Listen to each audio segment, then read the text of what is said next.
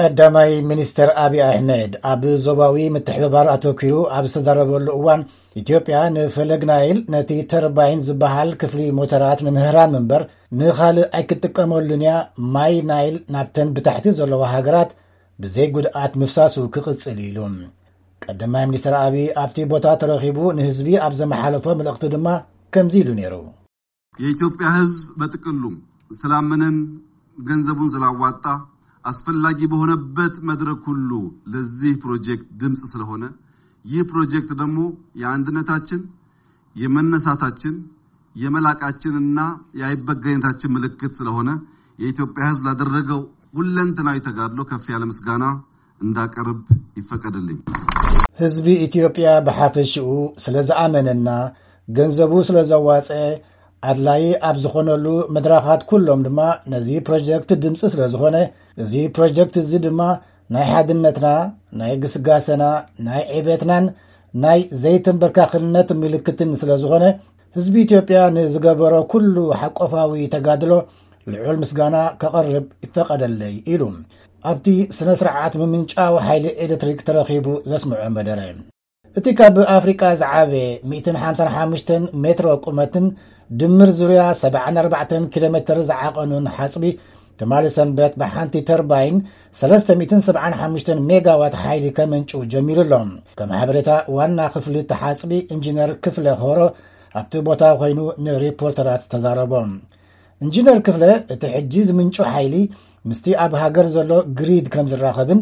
ድሕሪ ቁሩብ ኣዋርሕ ድማ 750 ሜጋዋት ዘመንጩ ካልኣይ ተርባይን ስርሑ ከም ዝጅምር ኣፍሊጡሎም ትማሊ ጀሚሩ ዘሎ ካብ ዓሰርተ ሰለስተ ተርባይናት እቲ ሓደ ጥራሕ እዩ። እዚ ካብ ክልተ ሽሕን ዓሰርተ ሓደን ጀሚሩ ብሓሙሽተ ቢልዮን ዶላር ባጀት ስራሕ ዘሎ ሓፅቢ ዓቢ ህዳሴ ምስ ተወደኤ ብድምር ሽዱሽተ ሽሕን ሓሙሽተ ሚእትን ሜጋዋት ኤሌክትሪክ ሲቲ ከመንጭው ትፅቢት ይግበር። ግብፂ እቲ ህንፀት ሓፅቢ ህዳሰ ጓሕዲ ማይን ካልእ ፀገማትን ከስዕበለይ እዩ ብዝብል ሻቕሎት ክትቃወሞ ጸኒሓ ኣላ።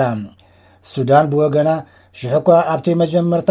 ካብ ደምሳሲ ውሕጅ ይከላኸለለ እዩ ብዝብል ነቲ ህንፀት ሓፅቢ ህዳሴ ትድግፍ እንተነበረት ደሓር ግን እቲ ጉዳይ ንዞባዊ ጸጥታን ሰላምን ስግኣት እዩ ብዝብል ባይቶ ጸጥታ ክርእዮ ሓቲታ እያ ባይቶ ጸጥታ ድማ ነቲ ጉዳይ ርእዩ ናብ ሕብረት ኣፍሪቃ ከም ዝመርሖ ይዝከር እዚ ድማ ኢትዮጵያ ክትድግፎ ዝጸንሐት መትከል እዩ ነቲ ምስሕሓብ ንምሽምጋል ዝኣተወ ዝሓለፈ ምምሕዳር ትራምፕ እውን ንኢትዮጵያ ንምቕጻዕ ብዩኤስኣይዲ ንኽውሃብ ኣብ መደብ ዝነበረ ናይ 120 ሚልዮን ዶላር ሓገዝ ክድስክል ገይሩ እዩ መራሕቲ ግብፃውያን ኣብቲ እዋን ኣብ ማይ ኒል ዘለና መሰል ታሪኻዊ ውዕል ንምኽባር ኩሉ ኣማራፅታት ክንጥቀም ንኽእል ኢና ኢሎም ነይሮም እዮም ኢትዮጵያ ግን ኣካል እቲ ውዕል ኣይነበርኩን ብዝብል ከም ኣህጉራዊ ውዕላት ኣይፈልጦን እየ ክትብል ጸኒሓ ኣላ። ኢትዮጵያ ትማሊ ሰንበት ብሓደ ተርባይን ሓይሊ ኤሌክትሪክ ከመንጩ ጀሚረ ኢላ ድሕሪ ምስማዓ ሚኒስትሪ ወፃኢ ግብፂ ምላሽ ሂቡሎ ኢትዮጵያ ዳግም ንውዕል ካርቱም ጥሒሳ ዝብል ክሲ እንተኾነ ዝርዝር መብርሂ ኣይሃበን ብመሰረት ኣሶሲትድ ፕሬስ ቀዳማይ ሚኒስትር ኢትዮጵያ ብወገኑ ግብፅን ሱዳንን ካብቲ ሓፅቢ ክጥቀማ እየን ምባሉ እቲ ትካል ዜና ወሲኹ ጠቒሱ ኣሎ ብኣቦ መንበር ሕብረት ኣፍሪቃ ዝነበረ ፍሌክስ ትሸሰከሊ ዝተመርሐ ፃዕሪ ናብ ስምምዕ ከብፅሕ እኳ እንተዘይከኣለ ባይቶ ፀጥታ ሕብረት ሃገራት ዝሓለፈ መስከረም ኣብ ዘመሓላለፎ ፃውዒት ኩሎም ወገናት ኣብ ትሕቲ ሕብረት ኣፍሪቃ ልዝቦም ክቕፅሉ ኣተሓሳሲቡ ነይሩ እዩ ቅድመ ሚኒስትር ኣብዪ ኣሕመድ ኣብቲ ትማሊ ሰንበት ኣብ ስነ ስርዓት ምጅማር ምምንጫው ሓይሊ ኤሌክትሪክ ዝገበሮ መደረ ነቲ ሓሳብ ህንፀት ግድብ ብኣግኡ ብምምፃእ ንንጉስ ሃይለ ስላሴ ነቲ ሓሳብ ናብ ተግባር ብምቕያር ነቲ ስራሕ ብምጅማር ንኣቶ መለስ ዜናዊ